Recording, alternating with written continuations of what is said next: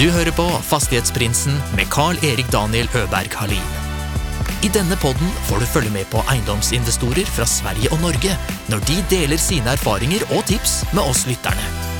Gjestene er alt fra småbarnsforeldre med sin første enhet, til de mer etablerte haiene. God fornøyelse. Och sen är det lite det här att man ska inte tänka för mycket. Min pappa har sagt till, till mig faktiskt att du ska vara lite dum i huvudet för att starta någonting.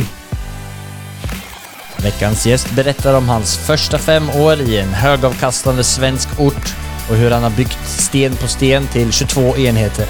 Snackar bland annat om bank, latent skatt och kärleken för Excel. Välkommen in säger jag till Fredrik Jonsson! Tack, tack. Jättekul att få vara med. Ja, Kul. men tack själv. Du har eh, fått slita dig loss ifrån dina eh, kalkylark och delta här. Ja, precis.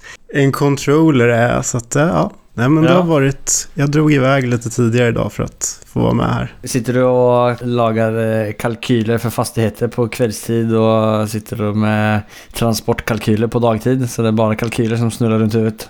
Ja, det blir ju nästan så. Men det Excel-ark är ju liksom eh, allt för mig just nu. Har varit i alla fall. Okej, det är så pass. Ja. Det, Det, det blir, man går in kanske på alternativt objektvision eller något sånt Mm. där. Börjar Mm. räkna, kolla och ja, hitta nya objekt och titta runt. Så att det, ja, hela tiden är det sånt. ja, Och sen även på jobbet. det är bra att man, är, att man har olika intressen. För det är Ja. inte alla som eh, älskar Excel-ark. Nej, nej. Och Det kan hantera det. dem heller. Ja. ja, men det är din styrka. Men bortsett från Excel då, vad, kan du berätta lite om dig själv? Du, du jobbar som controller och... Ja, precis. Fredrik Jonsson, eh, 32 år, Mm, civilekonom, eh, bor i Örebro. Eh, har, bor med sambo men inga barn. mm, Eh, ja, jag vet inte, börjat jobba som controller för några år sedan. Har jobbat egentligen med allt från eh, pantbank. Eh, även från början. Så här, det var lite hustler. under- Ja, precis. Från början när jag, började, när jag flyttade upp till Örebro så eh, testade jag på där liksom under studietiden. Jobbade på vanlig bank också på Nordea. Mm, Och sen så har det blivit till att jag jobbar som controller idag. ja. Så det, ja. Pantbank. Det må, må, kan vi stanna lite på. Ja. Har, jag- vad, hur länge jobbade du där? Vad var det du gjorde där? Är det lite så här eh, spännande typer som eh, man möter på där eller? Ja, man gör ju det. Och sen är det ju, det är ju väldigt många olika så här, objekt och, och, och grejer som man, man liksom allt ifrån givetvis här, vanliga guldkedjor till eh, Rolex-klockor och allt möjligt sånt där roligt som man eh, har sett- stött på liksom och många olika människor. Men om du har en klocka då som är värt 50 000 och så, så kommer de till pantbanken. Vad, vad är det man får i pengar då? Ja, gud, det är jättesvårt. Det beror ju på så här modeller. Man, man blir lite nördig i det där när man har jobbat med det ett tag. Sverige. Ja. Men, eh, ja, nej, men det är ju så här, kanske 50, 60, 70 procent beroende på vad det är för klocka givetvis. Mm. Nej, det var jättekul. Jättebra erfarenhet också. Jättekul bransch, måste jag säga. Ja. Är det på väg ut eller är det, fortfar- är det någonting som vi kommer fortfarande hålla i tror du? Ja, alltså nu har ju så här guldpriser eh, varit som fastigheter sista tiden. Det har ju liksom bara ökat och ökat. Det är ju Mm. liksom det här tillgångar som går att ta i liksom. Ja. Fysiska tillgångar istället för kryptovalutor och grejer. Så det Du är är väl... inget fan av det eller? Ja, jo, det kan jag nog vara kanske. Det... Vad säger kalkylerna om ja, kryptovalutor? precis. Hur ska det gå om en vecka? Ja. Nej, nej men alltså jag, jag tror att jag är som person lite mer att jag vill, jag vill kunna ta i det jag investerar i helst. ja. Sen absolut aktier och värdepapper och sånt men ofta så finns det ju liksom någon sorts, det finns ju liksom någonting bakom det. Det kan ju, alltså att man, det- man köper in sig i ett bolag som man vet vad det finns, om det finns något värde. Mm. Jag är mer för värdebolag än krypto, Okej. kan jag väl säga i alla fall. Ja, det är inte därför vi sitter här utan vi är ju nörd på uh, fastigheter i den här podcasten. Yes, yes. Vad var det som gjorde att du hamnade in på just fastigheter då? Att du inte fortsatte på eh, värdepapper och eh, konkreta företag? Det är väl typ en kombination. Jag har väl eh, liksom alltid tyckt att fastigheter har varit så intressant och jag har liksom tyckt om arkitektur. Man har tittat upp på en fastighet, gått liksom Stockholm eller någon annan stad och kollat upp på fastigheterna och tittat och tyckt att de varit jättefina liksom och eh, sen är det alltså fasaderna och sånt och alltså man fattar ju att nu blir det kanske mer än eh, att man bygger fastigheterna lite mer som skokartonger för att marken blir dyrare och allt så här om man jämför med hur det har varit tidigare Mm. eh, och sånt. Men, eh, och sen en kombination med att jag är lite så här siffernörd, har gjort olika case på olika sätt, alltså gått in på som många andra i den här podden gått in på objektvision, Hemnet, ja, men, olika forum för att hitta Mm. fastigheter. Mm. Och sen har jag jobbat även på så Skatteverket så man har lärt sig att deklarera så att man på något sätt liksom blev lite mer man, man kände sig mer, haft kontakt med myndigheter, man har vågat Mm. lite mer, att man liksom Mm. har kommit in i det på något sätt. För oftast Mm. är ju, det är vissa grejer man är lite orolig för och kanske gör att man stannar upp. Eh, Mm. Men de delarna har gjort att jag har i alla fall vågat mer. Sen man, liksom, måste man väl kanske ha någon sorts eh, liksom driftighet från början. Ja, det är helt klart. Alltså, så är det ju med allt liksom. Mm. Om du är egenföretagare eller vad som helst liksom. Du sa tidigare att du startade din resa inom eh, med din första fastighet 2017. Ja, precis, precis. Vad var det första steget som gjorde att du hamnade upp där? Det var väl, jag hade, hade, hade lite flyt på börsen. Mm. Det var väl inga stora pengar, men eh, Nej. eh, det gick i alla fall lite bra där en stund. Och sen så hade jag sparat ihop lite pengar och hade det här bakom mig, att jag tyckte det var intressant med fastigheter. Jag Mm. liksom tyckt hela tiden. Då började jag väl att kolla på det, letade, visste inte alls hur jag skulle liksom börja egentligen. Ehm, och, och sen så började jag liksom kontakta lite banker och sådär. Ehm, och som många andra liksom som har varit med i den här podden som man har hört, är det ju väldigt, var det ju väldigt svårt Mm. med första fastigheten. Hur ska jag liksom börja och vem ska jag kontakta och allt sånt. Vad var det för typ av strategi du valde då? då? Eh, jag försökte liksom kontakta olika banker helt enkelt. Det var väl där. Jag började givetvis att kolla på vilka fastigheter jag kunde ens möjlighet, möjligtvis ha, ha råd med.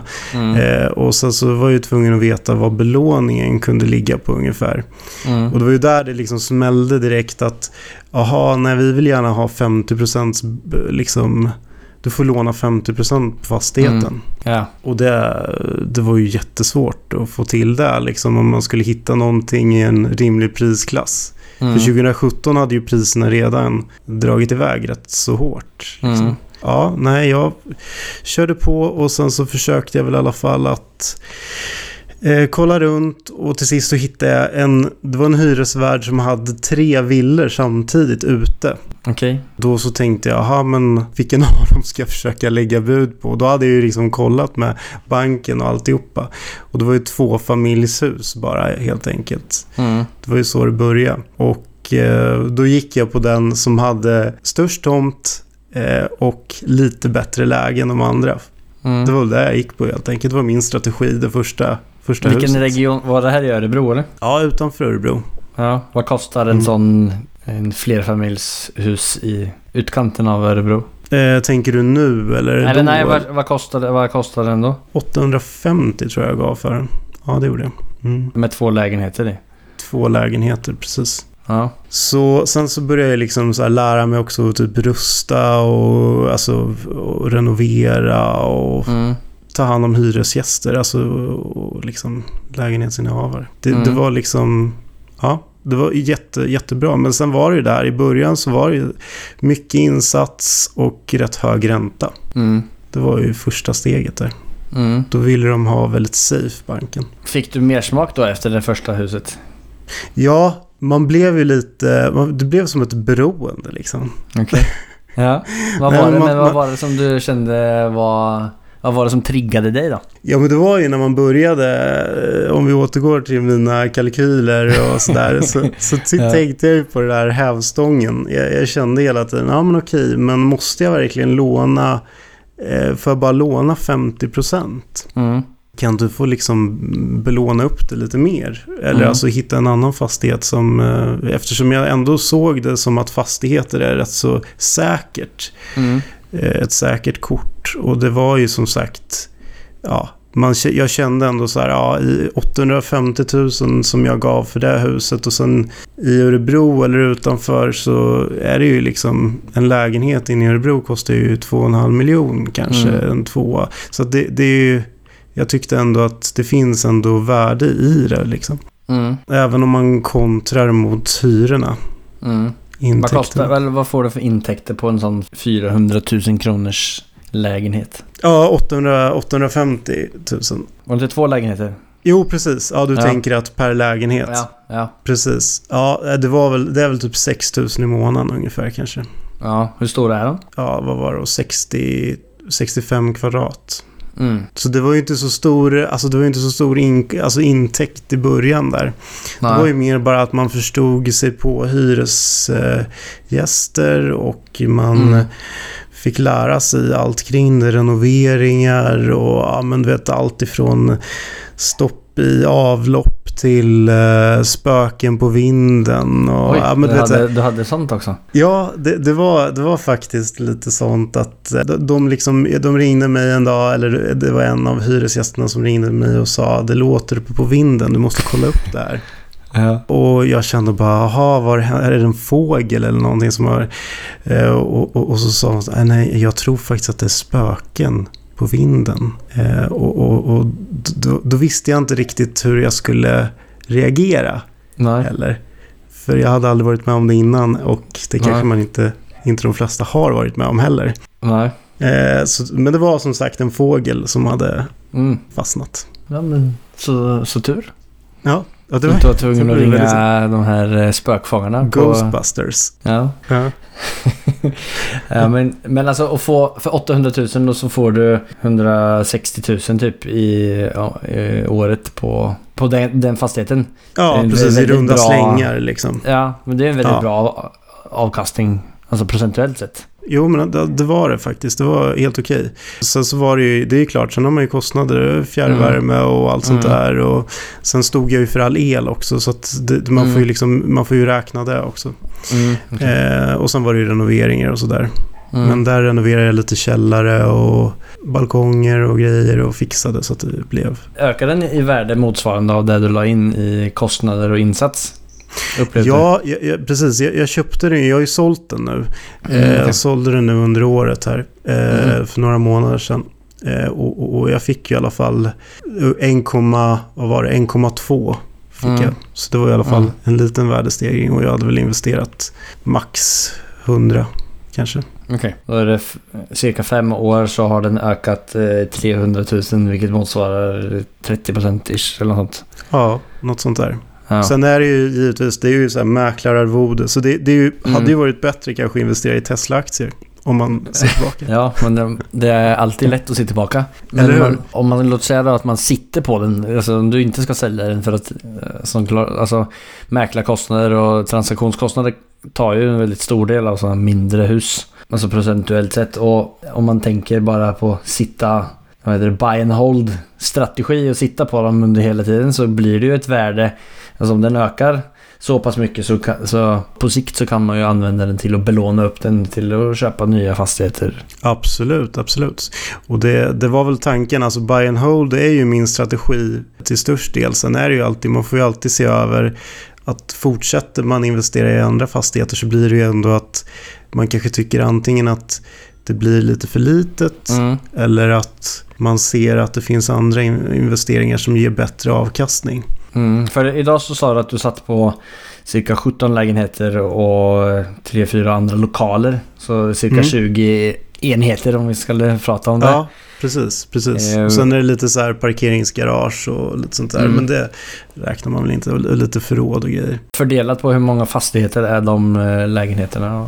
Ja, det faktiskt bara på två fastigheter. Ja, okej. Men det är Ja. ju bra. Precis, precis. Så det var ju tre från början, så sålde jag Mm. av nu en. Ja, för du var inne på det nu att det finns andra typer av eh, investeringar som kanske är lockande. Är det någonting som... Eh, har du några planer på att göra något annat än att ha den här buy and hold-strategin nu framöver?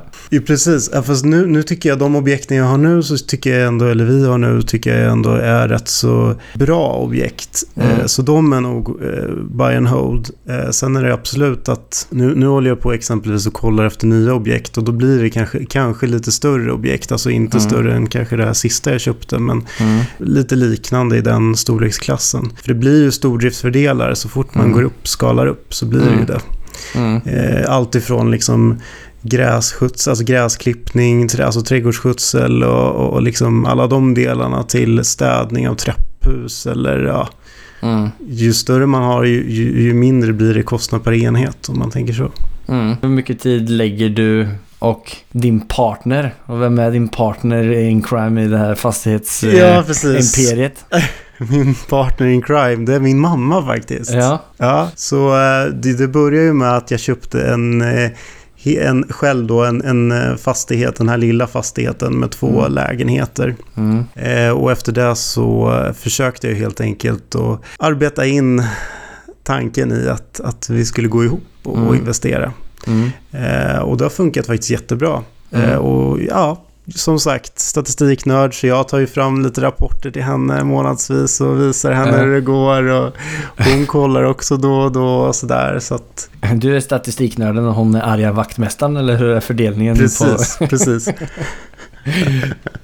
Ja, det är så kul. Mm, det är kul. När ni har den mängden av lägenheter fördelat på två fastigheter, hur många, eller vad, gör ni allt själva eller köper ni vissa tjänster, alltså som städning och utearealer och allt annat vad man kan köpa för tjänster till ett sånt bygg? Precis. Eh, Ja, tid, tidigare ägare som har haft det har ju liksom eh, anställt folk. Eh, Jag, jag kör det här själv. Mm. Eh, alltså just gräsklippning och sen så eh, hjälper mamma till en liten del och sen så kör jag resten. Vi, det är väl så vi har delat upp det lite. Mm. Eh, så, eh, men gräsklippning har vi nu, vi har köpt en liten sån här automover Mm. eh, som klipper åt oss. Eh, Ja. Och sen så har vi ändå lite, och så försöker jag då städa lite och lite sånt där i fastigheterna och grejer. Mm. Så att det är väl lite den uppdelningen ungefär. Mm. Du har klappat dig själv på axeln nu när du har klippt gräset. Ja, ja, precis. Då, då har jag tänkt så här, jäklar vad bra, vad bra, Ja. nu får jag över lite mer pengar. Ja. Jag tänker på när du är så här Excel-fanatiker som du eh, framställer dig själv så hade jag hade det varit jäkligt kul att se din, kal, ditt kalkylark. Det måste ju vara det största kalkylarket i, som Excel har fått smaka på. Eller hur? Det har kraschat en gång till och med. Ja, det kan jag tänka mig. Sån superpivot-tabeller som bara... Eller Hela fläkten på datorn exploderar när den Ja, eh, startar. Ja. När du analyserar en deal, upplever du att du går kanske lite mer på djupet än vad en annan gör? Ja, alltså samtidigt har jag väl lärt mig lite att man kan inte gå in eh, i djupet så mycket. Det, alltså det hjälper oftast inte. Det är ju mer att Mm. man får, måste få en känsla också. Magkänsla. Okej. Det, går, det går liksom inte bara att gå på siffror. För det är oftast också rätt så, ja men om vi säger så här driftkostnader, det är klart att de tar ett år där det har varit lite varmare ja, med, Mm. med, med liksom uppvärmningskostnader, elkostnader och allt sånt där. Man måste ju också ha någon logisk tanke bakom det också, tänker jag. Nu är ju vissa som säger att man ska beräkna 50% av intäkterna som, som driftskostnader. Hur, hur ser den fördelningen ut på de två husen som du har? Ja, det har jag inte räknat på riktigt, men vi, vi, det ligger väl ungefär där, tänker jag. Mm. Och sen har vi renoverat, alltså vi, nu när de här husen vi har köpt har vi ju renoverat. Där, är- där är min mamma med i spelet verkligen och säger hon vill få det väldigt fint. Mm. Och det är ju superpositivt. Mm. Både för hyresgästerna och för banken också. De tycker ju också Mm. att sånt är jättebra. Så det är ju inte bara liksom, eh, som jag kanske har tänkt lite mer kassako, att man eh, tänker den här fastigheten ska man ha det här avkastningskravet på liksom och liknande. Att det är mer nu ska vi även arbeta för hyresgästerna. Och det, det, är ju klart, det gör man ju alltid. Men det är ju mer att vi vill få fina fastigheter av det också. Mm. Men nu har du hållit på med det här med fastigheter i cirka fem år. Och mm. om du hade liksom den kunskapen som du har eh, samlat ihop dig nu, erfarenheterna. Om mm. du inte hade haft några fastigheter men du sitter med den kunskapen. Du sitter med 500 mm. 000. Vad hade du startat med då? Nu om du fick börja om. Ja, alltså där är det ju en avvägning om man skulle kanske investera i, i på börsen lite och mm. börja med, allt beror på vad man har för ambition, om man mm. vill eh, skala upp snabbare eller om mm. man, och, och vad, vad, situationen på marknaden är och allt liksom. Men, eh, ja, men om jag vill skala upp snabbare då, vad ska jag göra då? Då är det Tesla som gäller först. ja, precis. Ja, Tesla. Nej, men jag tänker att det kanske, ja, om du ska skala upp snabbare, just nu så känns det som att vi är lite all time high på mycket. Så att mm. jag tror ju ändå samtidigt att det, det, kan ju vara att du ändå ska hålla dig antingen lite avvaktande eller att du ska köpa en fastighet som är lite mindre, kanske i, med två lägenheter, tre lägenheter. Mm. Och försöka också, det gäller ju väldigt mycket att ha en bra bankkontakt för det är där belåningen ligger. Liksom. Mm. Om, om du kan belåna till 50% eller om du kan belåna till 75%. Mm. Vilket är det vanligaste kanske. Men äger du de här två fastigheterna som du har nu i, i eh, företag eller privat? Den ena äger vi privat och den mm. andra äger vi i, i, i aktiebolag.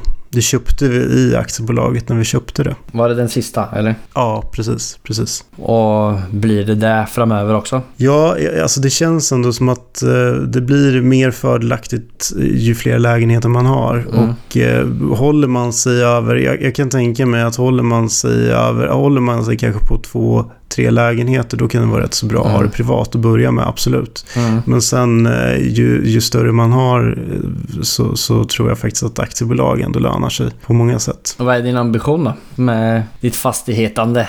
Eh, mitt fastighetande? Ja, alltså det är väl lite så här, det är klart, man tänker väl lite så här att man kanske kan gå lite tidigare i pension och allt sånt där. Det, mm. det är så alla tänker oavsett investeringar tror jag. Alltså, mm. Alltså typ om du eh, håller på med aktier, värde, alltså liksom allt sånt, då, då, då är det också oftast att du kanske kan gå tidigare eller gå ner i tid eller mm. så. Men för mig är det väl också typ att, um, ja men mer frihet helt enkelt. Det tror jag. Vad hade du gjort med den friheten då? Ja, investerat i fler fastigheter. Ja, eller hur? Nej men alltså, det blir, man blir lite nördig i det här liksom. Ja. Så är det ju. Är du en sparare? Ja, jag tror det. Och sen har man ju så här massa mål under tiden. Liksom att eh, det blir ju som att man, man kör ju en tävling med sig själv. Att ja, men nästa gång ska jag försöka med 25 enheter. Det är väl nästa mål. Och sen ska man ha den här 250 eh, 000 i amortering per år. Och du vet att man, man sätter upp mm. lite delmål och sådär. Mm. Och sen jobbar man upp det hela tiden. Det här med bankman. Alltså hur får man en bra bankman? Är det bara tur? Du må, måste gå på banktinder för att hitta rätt eh, liksom, person som du får bra personkemi med eller? Ja, det är skitsvårt. Jag har ju varit på massa olika, men ska jag inte nämna bankerna kanske, mm. men eh, jag har varit på massa banker och det har varit liksom sådana som jag trott verkligen på. Men till sist blev det liksom en mindre bank eh, mm. som ändå kände till området mer. Så mm. då var det liksom mer okej okay för att de kände till att ja, men den där fastigheten vet vi vad det är för fastighet och att det blev enklare på det viset än att ringa de här stor, bankerna som, som inte känner till området och tänker bara kanske mer Stockholm, Göteborg, Malmö, alltså storstadsregionerna. Mm. Så, så ibland kan det nog vara jättebra att fråga mindre banker också. Har du något liksom, tips för hur man ska kunna få en bättre bankkontakt? Muta? Nej, men jag, jag, vet inte riktigt ett bra tips till alla liksom på det viset. Men eh, man kan ju absolut så här tänka vad har jag haft för bank innan och vad har jag arbetat in för mm. kontakt med den bank, banken sen innan. Alltså, eller har jag liksom, man får väl gå lite på typ mina föräldrar, vad har de för bank? Har de arbetat upp någon Eh, bra connection med den banken. Alltså jag mm. tror att man får gå lite... Man ska pröva och mm, se om man kan piggybacka på någon egentligen. Ja, precis. Jag tror det är det smartaste. Har du faktiskt. gjort det? Ja, faktiskt. I det här Ja. fallet så, så var det ju att jag, jag fick via mina föräldrar en... Ja. Så egentligen var det därför. Du ville inte samarbeta med din mamma, du ville bara ha hennes bankkontakt. Precis, men det får vi inte säga högt. Hon, ska, hon får inte lyssna på den här podden. Nej, eller hur? Ja men eh, okej, nej, men det var ett bra tips. Det, för det, behö- ja, det behöver ju inte vara svårare än så. Att, att det kanske är Nej, någon men i jag- sin jag närhet tror som att- kanske har, precis. känner en... Eh, Man ska inte underskatta nära och kära Nej. tror jag, i Nej. kontakter och sånt. Absolut inte. Det Mm. tror jag inte.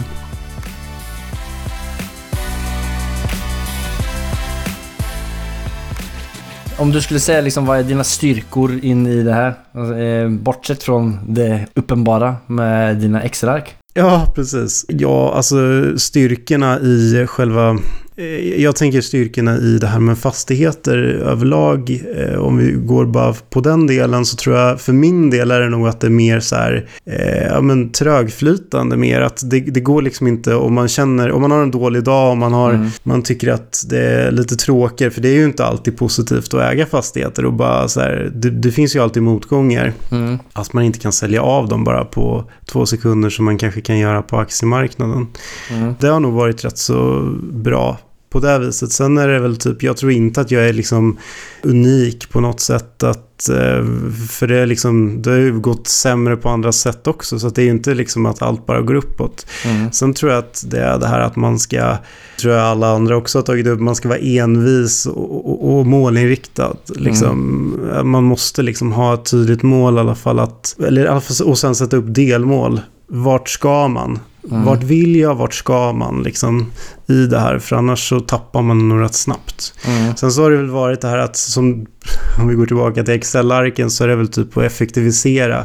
Mm. Eh, att jag typ tycker det är kul att liksom kolla, ja men okej nu tar jag städningen själv, vad Mm. tjänar jag i månaden på det här? Mm. Eller vad, förstår du? Att man hela tiden triggar sig själv och Mm. eh, kollar räntorna, vad, vad, vad kan jag göra på det här? Ska, ska jag binda dem och vad, vad får jag ner räntorna till då? Mm. För det handlar om rätt mycket pengar. Mm. Eh, det gör det faktiskt. Mm. Tar ni ut någon lön ur de fastigheterna som ni har idag? Alltså, Nej, tanken är ju att vi återinvesterar Mm. pengarna vi, vi får in helt enkelt. Och det blir ju att nu har vi ju renoverat, så vi har putsat om fasader och, vi har, och sånt kostar ju också. Så det Mm. blir ju att vi återinvesterar och gör det trevligare för hyresgästerna.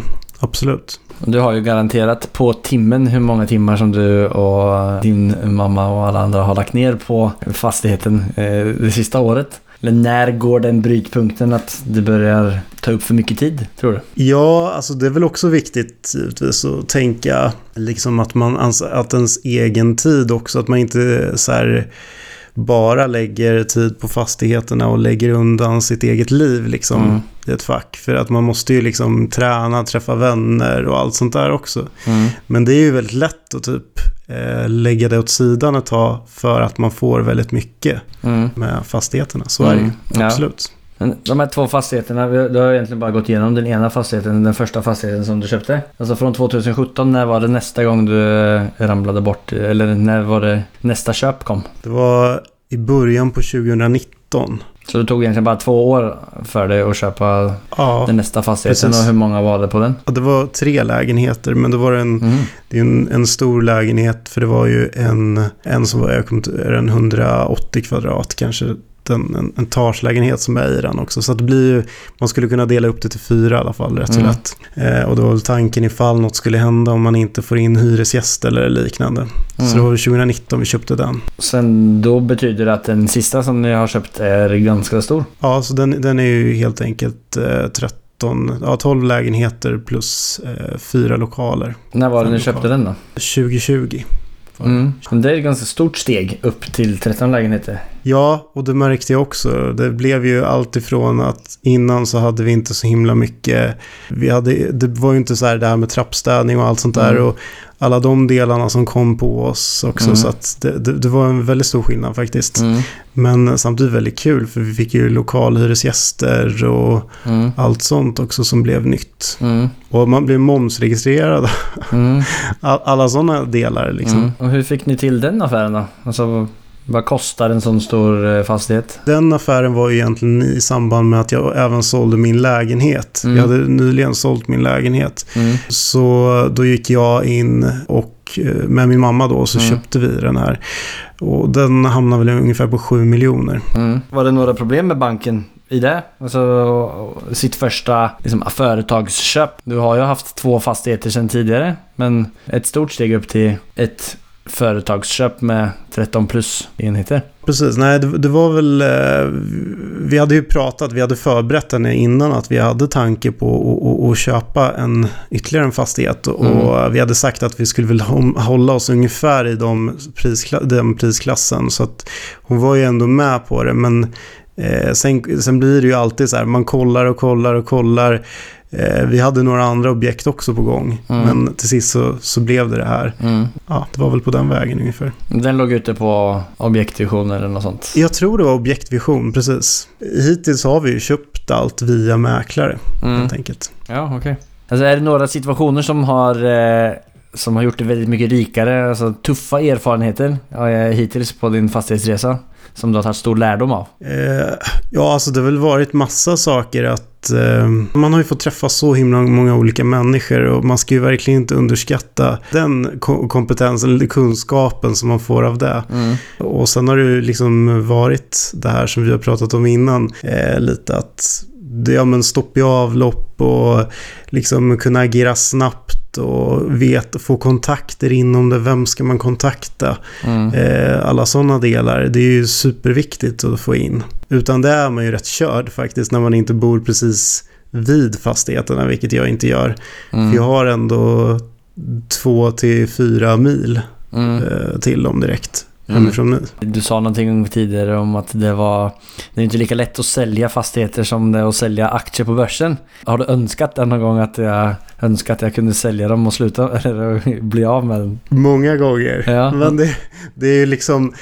Det är ju det som är bra att det är lite mer trögflytande. Man kan inte liksom eh, köpa och sälja lika enkelt. För att det är ju inte så här bara Oj, nu har jag en fastighet, nu får jag in de intäkterna och det är liksom eh, jätteglatt alltihopa. För det är ju, ibland så blir det att hyresgäster ifrågasätter och det ska de ju göra givetvis Mm. också. De ska ju kunna säga, ja men det är något, jag har inte till- tillräckligt varmt i lägenheten eller Mm. något problem. Helt enkelt störs av andra grannar och sånt. Mm.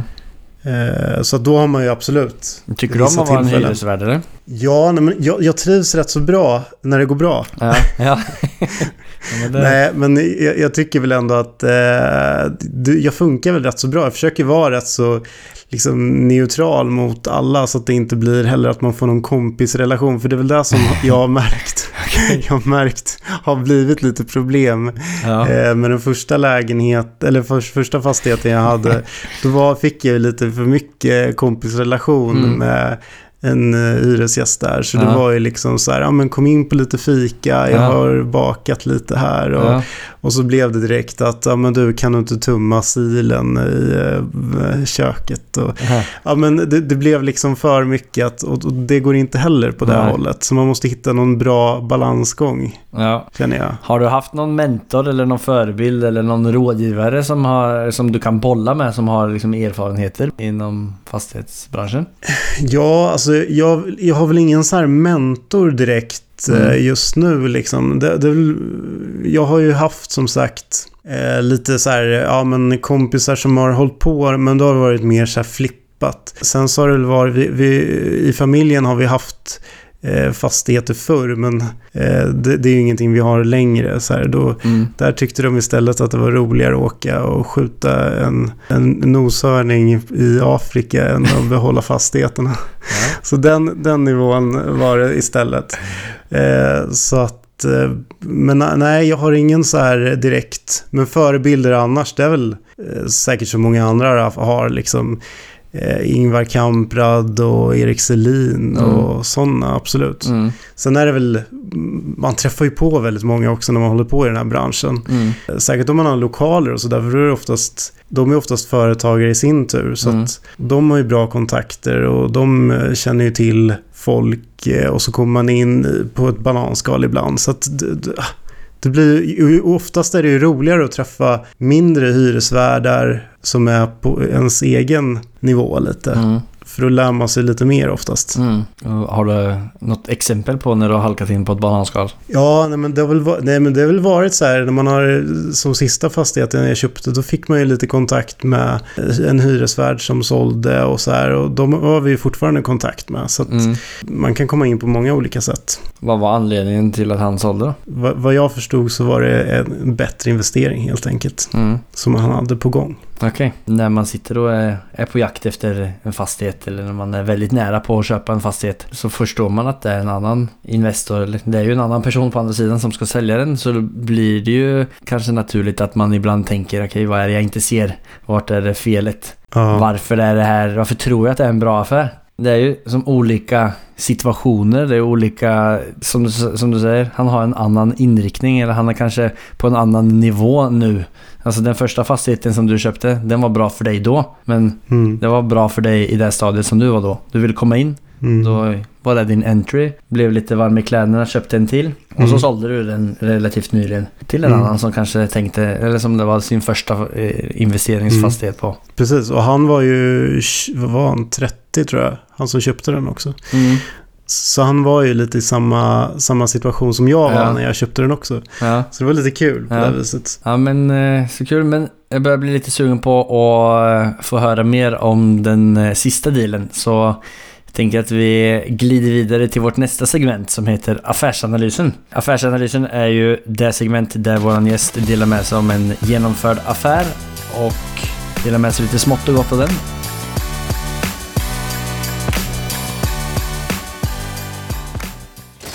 It has not been easy for me. And, you know, I, I started off in Brooklyn. My father gave me a small loan of a million dollars. Affärsanalysen. Jag hoppas att det är den sista. Säg att det är. Ja, ja precis. Ja, ja, det är den sista fastigheten. Ja. Helt rätt. Ja men bra. Off you go! Tack. Nej, men det, det var ju alltså... Det, jag, det var ju en fastighet som... eh, Där, nära där mina föräldrar bor. Så jag hade ju åkt förbi den i, i flera år liksom. Mhm. Och tänkt så här, ja ah, men det var lite så här, såg lite sjabbigt ut och så undrade jag, hyr de ut där och så här. Eh, Så jag tyckte det var jätteintressant så här, vad man skulle kunna göra med den och så här. Mm. Och så hade min pappa berättat om den och Mm. sagt att förr så var det en ICA-affär där och Mm. man undrar, ha, hur undrar hur det ser ut inuti liksom. Och sen liksom av en slump så, så kom den ut på marknaden. Ja. Och det var ju precis i samband med att jag hade sålt eh, min lägenhet. Mm. Eh, så jag liksom kontaktade banken tillsammans med min mamma och vi kollade och eh, eh, räknade, räknade givetvis. Och det var ju att vi, ma- ma- vi köpte det i ett bolag, i Mm. ett befintligt bolag helt Mm. enkelt. Det liksom eh, speciellt för mig från att inte ha hållit på med aktiebolag innan till att vi skulle börja köpa. Så det var det ju så här, nu ska vi ha ett holdingbolag som Mm. köper upp det här. Och det var ju massa så skattemässiga grejer och det var latent skatt och grejer. Och Mm. Det var ju mycket såna här grejer, mycket nya begrepp man skulle komma in i också. Mm. Vad, vad är latent skatt då? Hade, hade företaget latent skatt? Precis, de Mm. hade ju latent skatt. Eh, och latent skatt är väl förenklat kan man väl säga att det är att det bokföringsmässiga eh, värdet av fastigheten är lägre än vad jag köper den för. Mm. Så att, så att det blir liksom en, en latent skatt, alltså det ligger en skatt som, som väntar på att när jag säljer den Mm. fastigheten till nästa ägare som kanske inte vill ta över den, då måste jag beskatta den delen. Så egentligen så köper jag Vad sa du nu? Han, han vill inte ta över den. Eh, menar du att man, om du skulle Ja, han sälja kan den, ta över den. att du skulle säl, sälja ut den ur ditt företag? Är det det som, som triggar den latenta Precis, skatten? Ja. precis. Vi kan, vi kan säga det också, absolut. Mm. Man kan ta ut den ur bolaget. Det Mm. är kanske enklast. För han kanske vill flytta det till sitt eget Mm. bolag, ett, ett annat fastighetsbolag. Mm. Och då triggar det, för då måste den ju eh, tas upp liksom, Mm. till värdet vad han köper den för. Mm. Och då blir det en mellanskillnad och då måste man beskatta den delen. För det blir som en vinst helt enkelt. Okej. Eh, Ägaren före dig, han har köpt den för för exempel 2 miljoner. Och du köpte den för 7 Ja. miljoner. Och det Ja. diffen mellan 2 och 7, 5 miljoner, eh, har då genererat en latent skatt, eller? Ja, precis. Så precis. Kan man använda det på något sätt? Ja, alltså eh, grejen i det här är ju att man egentligen, man köper det ju till en men liksom, man köper det ju till ett billigare pris då. Mm. I och med att man vet om att jag tar över även den här skatten som jag kommer att behöva betala. Det behöver inte bli så, men troligtvis om någon annan tar över fastigheten i framtiden Mm. och som du säger vill ta över fastigheten till sitt bolag. Mm. Då triggas ju den här. Så att då måste ju jag, eller säljaren då, eller köparen, säljaren eller köparen betala den här pengarna. Mm. Då kan man ju få en rabatt i köpeskillingen, helt enkelt. Okej, så priset på fastigheten som du betalade var 7 miljoner. Precis. Men... Egentligen kanske det skulle vara lite mer. Mhm, okej. Så Intressant. det var ju lite som en rabatt. Ja. Fast jag tar ändå över en rabatt som kommer att bli dyrare i framtiden. Ja, men alltså, jag vet inte hur jag ska förklara. Du, jo, nej, men alltså om du hade, Ja. låt säga du köpte den för 7 miljoner, du betalade 7 miljoner för den. Men Ja. det är fem, eh, 20, vad blir det, 25% av 5 miljoner om man ska säga att det var det som ni fick rabatt på. Så om du hade Ja. gått till banken idag så hade du fått belån, eller en värdering och en belåning på 8 miljoner. Ja, typ. något sånt kanske. Ja, precis. Så det man egentligen kan, alltså så fördelen med att få en sån skatterabatt eller en latent skatterabatt är att du, om du har en bra bankkontakt, kan värdera upp den och belåna den som till ett till fastighetsköp. Det skulle ju kunna vara så. Sen är det ju att oftast vet de ju, alltså de, jag tror banken räknar in det också givetvis. Okej. Så att eh, man kanske inte ska vara helt Nej. säker på det. Ja, det finns absolut någonting man kan tänka på där. Och det är ju rätt så många affärer som, som sker på det här sättet eftersom det är många som har under, så här, om man tänker 10 år tillbaka eller Mm. 20 år tillbaka, har ju alla fastigheter gått plus. Mm. Det ju, går ju knappt att hitta någonting som inte har gjort det. Nej. Eh, så att då blir det ju oftast att det ligger en latent skatt i, bolagen om man köper ett bolag. Ja, nej men det där ska jag undersöka mm, massa mer om. Det där är ju kanske Ja, någonting det är man rätt kan så eh, intressant. Utnyttja. Det ska jag i vart fall försöka få någon bankperson att svara på. Ja, lite mer ingående än vad jag gjorde ja, kanske. nej men det var bra. Ja. Det var väldigt bra. Det var intressant. Så du ska dela med dig Jag har i alla fall lyft upp Ja, det. eller hur? Så nu kan vi jogga tillbaks till, eh, eh, till eh, dealen. Nu har vi ju i vart fall fått veta att du köpte den för 7 miljoner. Så långt har vi Ja, kommit. precis. precis. Eh, jo, och så var det ju ett lite större projekt. Så det var ju alltså, man var ju tvungen att kolla radon, OVK och det är ju också såna här grejer som är rätt så viktiga när man köper en fastighet. Vad var det är sista du sa? OVK. Och det är ju sån här obligatorisk ventilationskontroll. Mm. Jag tror det heter så i alla fall. Mm. Jo. Men det är ju att, liksom att allt är OK i ventilationen. För det är ju allt ifrån brand och allt sånt där som kan hända. Mm. Det var väl sådana grejer som jag, jag kände att de delarna har ju varit var ju helt nytt för mig. Jag, men, men samtidigt har man ju lärt sig jättemycket på den här eh, resan med den fastigheten. Vad är det du har lärt dig mest av om du tänker tillbaka på det? Ja, det är väl egentligen att eh, bara komma in i ett AB, tror Mm. jag. Ett aktiebolag. Mm. Ja, precis. Och att man, man vet vilka felsteg man har tagit och liknande i affären. Mm. Att man kanske inte kollar upp allt 100, 100, 100. Vilket man kanske borde ha gjort mer. Så är det ju alltid. Men det är ju... Va, som vad då? Vad skulle du kollat upp? Nej, men, nej, men jag tänker såna här grejer. Att, att veta mer om vad, vad är det för liksom... Om, är allt godkänt? OVK och radon? Mm. Nu var det ju där. Mm. Men alltså att man, man gick ju bara in och kände sig ändå rätt så trygg i affären och gick in. Och sen hade man egentligen inte så stor superkoll på Nej, okej. vad man gjorde. Men nu känner jag mig Mm. mycket mer trygg i en sån. Mm. Om man skulle gå in i en ny sån affär. Mm. Men vad är det för hyresintäkter på ett eh, hus för 7 miljoner utanför Örebro? Ehm, ja, det här ligger väl lite över, lite över 900 000 Mm. eh, intäkter. Eh, och driftnettot ligger väl lite över en halv miljon ungefär. Mm, det är ju jättebra. Alltså det, det, jo, det är rätt så bra faktiskt. Mm. Så där blev det ju också lite hävstång i och med eh, avkastning på eget kapital och allt sånt där som vi också har pratat om innan kanske. Ja, ditt Excel måste göra massa eh, stjärnor och hjärtan Ja, ja. och blinka. Ja, ja, och, gud ja. Gud ja. Glada gubbar överallt. Finns det många sådana fastigheter som du ser? Eh, Det här var ju lite mer att det var lite sämre skick. Så att vi, Mm. vi har ju som sagt putsat om fasad och vi har eh, eh, målat trapphus. Vi har liksom gjort rätt så mycket sådana här grejer som har behövs. Och, och sen givetvis kollat liksom radon och, gjort vissa åtgärder också. Så det, det är ju liksom, Hur mycket har ni lagt, Det på, lagt in på det då? det har nog varit nästan en halv miljon vi har lagt ner nu sist, sista tiden bara. Mm. Eh, sen vi köpte det helt enkelt. Mm. Hur mycket kostar det att putsa upp sån fasaden? Det låg väl ungefär på, eh, vad kan det ha legat på, 4 300 000 Mm. något sånt. Har ni värderat den efter ni har gjort de här tilltagen? Nej, vi har inte gjort det faktiskt. Nej.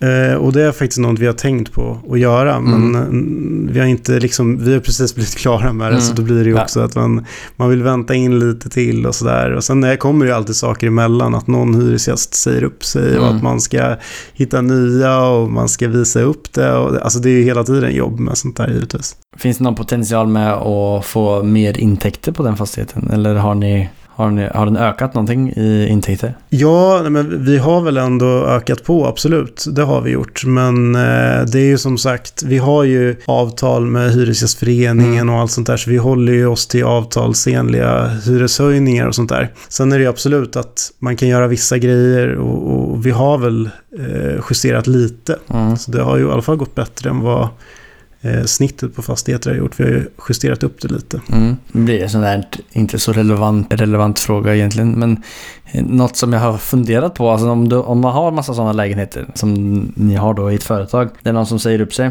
Det blir ju mer jobb med det, men hade man kunnat, är det marknad för det i det här området och hyra ut den på till exempel Airbnb? Och hade det varit möjligt? Är det någonting som du har lekt med tanken med? Jag har, inte, jag, jag har inte tänkt att jag or, skulle orka och, och tänka med tanken med det. Nej. Men säkert, det, Mm. det hade säkert gått. Absolut. Det hade blivit ett eh, bra driftsnetto då. Jag får, jag, får, jag, får, jag nästan tänka, tänka igenom det en gång till känner jag. Ja, Kanske kan dubbla jag intäkten. tänker det. Bara sätter in sån här eh, kodlås i alla hus och sköter allting och så har du bara en städare som kommer in direkt efter allting färdigt. Ja, det kan jag göra. Då kan jag göra det. Om vi dubblar Ja. intäkterna då kan jag faktiskt fixa det själv. Ja, eller hur? ja, men är det något mer du vill eh, dela med dig om den fastigheten? Nej, men, men nej. Det är väl egentligen inget speciellt. Nej. Det var ju... Men jo förresten, hur finansierade ni den? Hur såg procenten ut? Och... Finansieringen, eh, det var ju i och med att eh, jag hade precis sålt min lägenhet. Så att Mm. då, då fick jag ju, jag hade ju ett litet övervärde på där. Mm. Och, och sen eh, var det jag och min mamma då som gick ihop Mm. och, och köpte den.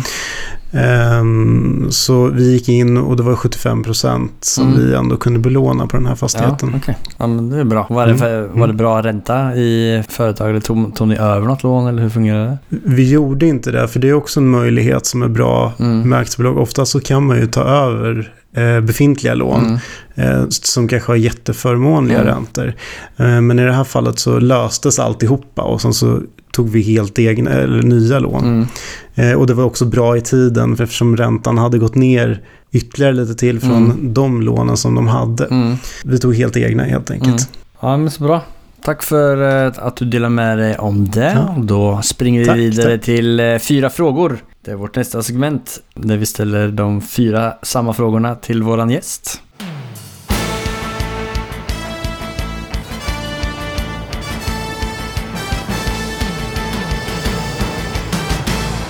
Cuatro preguntas. Och den första frågan är Vad är det som skiljer från en framgångsrik entreprenör mot de som inte lyckas, slutar eller aldrig kommer igång?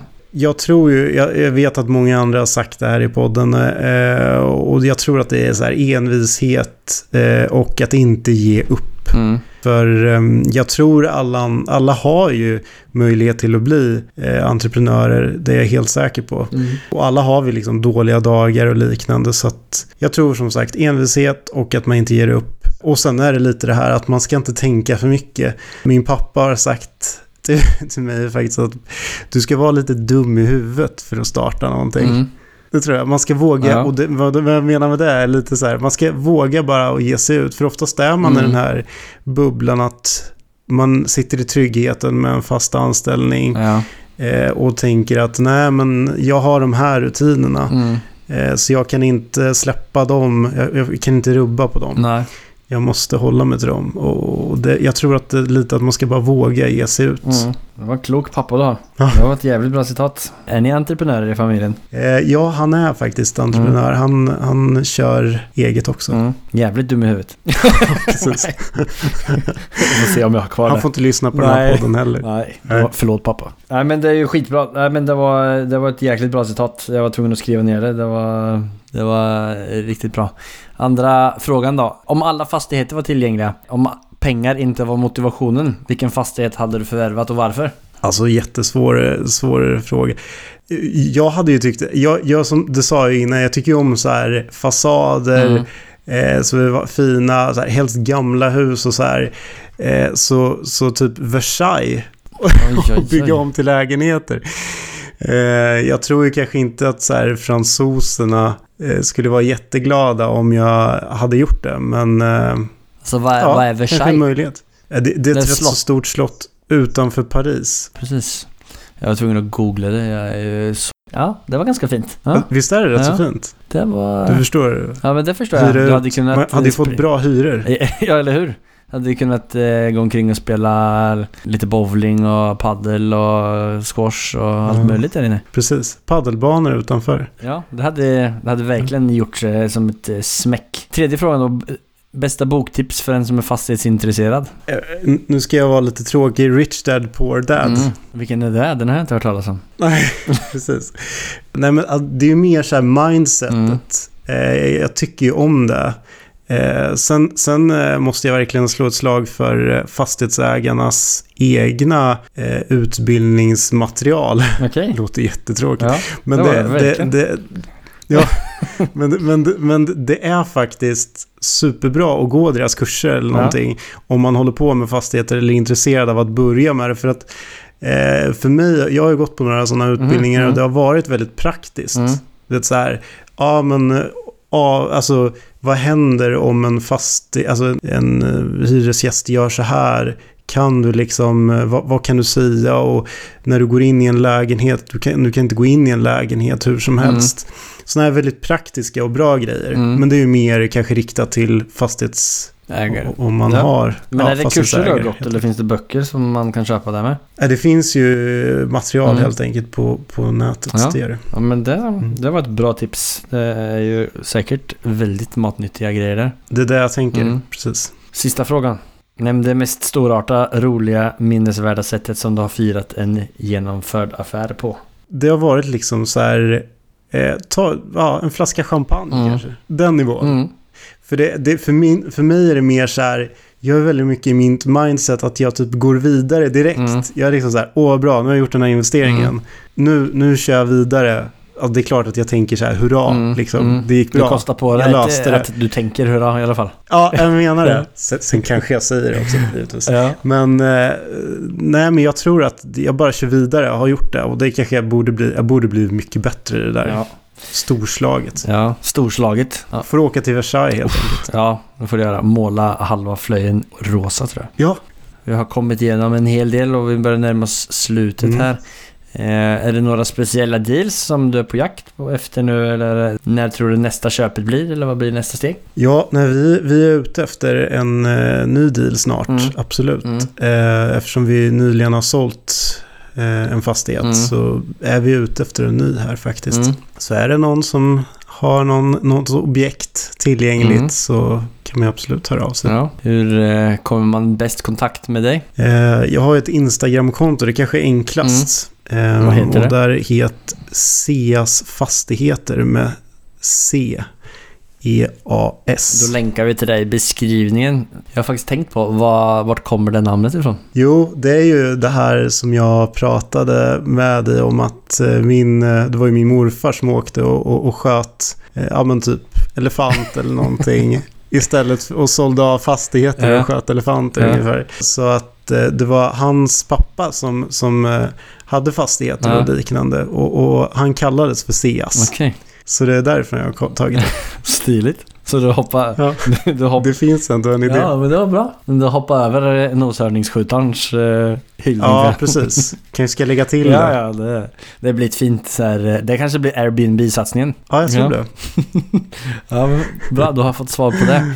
Du jobbar ju tillsammans med din mamma. Är ni intresserade av, eller är ni öppna för att samarbeta med några andra? Om det skulle ges möjlighet för det? Eh, jo, absolut. Det, det, det skulle vi kunna tänka oss. Mm. Och sen är det väl mer att vi vill eh, ändå köra det här lite själva. Mm. Men eh, alltså, jag skulle vara, tycka det var jättekul att, att, få komma i kontakt med fler Mm.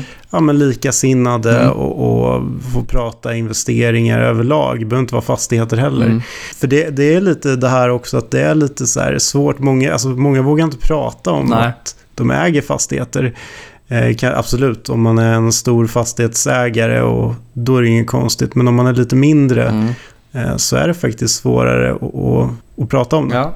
För det blir liksom att man ses direkt som att man är, eh, har haft fastigheter hur länge som helst och är multimiljonär liksom. Mm. Och oftast är det ju inte så, för det är ju liksom rätt så slitigt Mm. och det är ju mer en passion. Ja, nej, men då får vi alla runt omkring Örebro få höra av sig till Fredrik här. Då lägger vi kontaktinfo i beskrivningen. Jag menar Eva Stark från avsnitt nummer 6 är väl också från Örebro. Ja, det, så, Ja. det har lyssnar jag faktiskt på. Precis. Det måste hon ju vara. Ja men grymt. Tack så jättemycket för att du tog dig tid att vara med. Det var skitkul och lycka till med Seas fastigheter. Tack, tack. Och lycka till du också. Ja, tusen tack. Så får du eh, visa mig ditt Excel-ark här eh, efter vi lägger på. Absolut. Ha det bra. Ha det bra. Hej. Hej. Riktigt skönt snack idag med en jordnära man. Sånt här blir jag så glad av. Folk som har sunda värderingar. Jag är helt övertygad om att det kommer gå rätt fort härifrån till nästa nivå. Efter samtalet tänker jag på tålamod. De har kommit riktigt långt efter fem år. Samtidigt som att det kan vara ganska svårt att se det när man är i starten som många av oss är. Ta en sak i taget och gå vidare till nästa uppgift.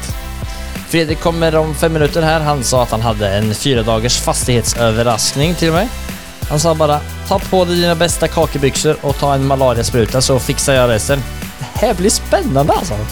Ha det!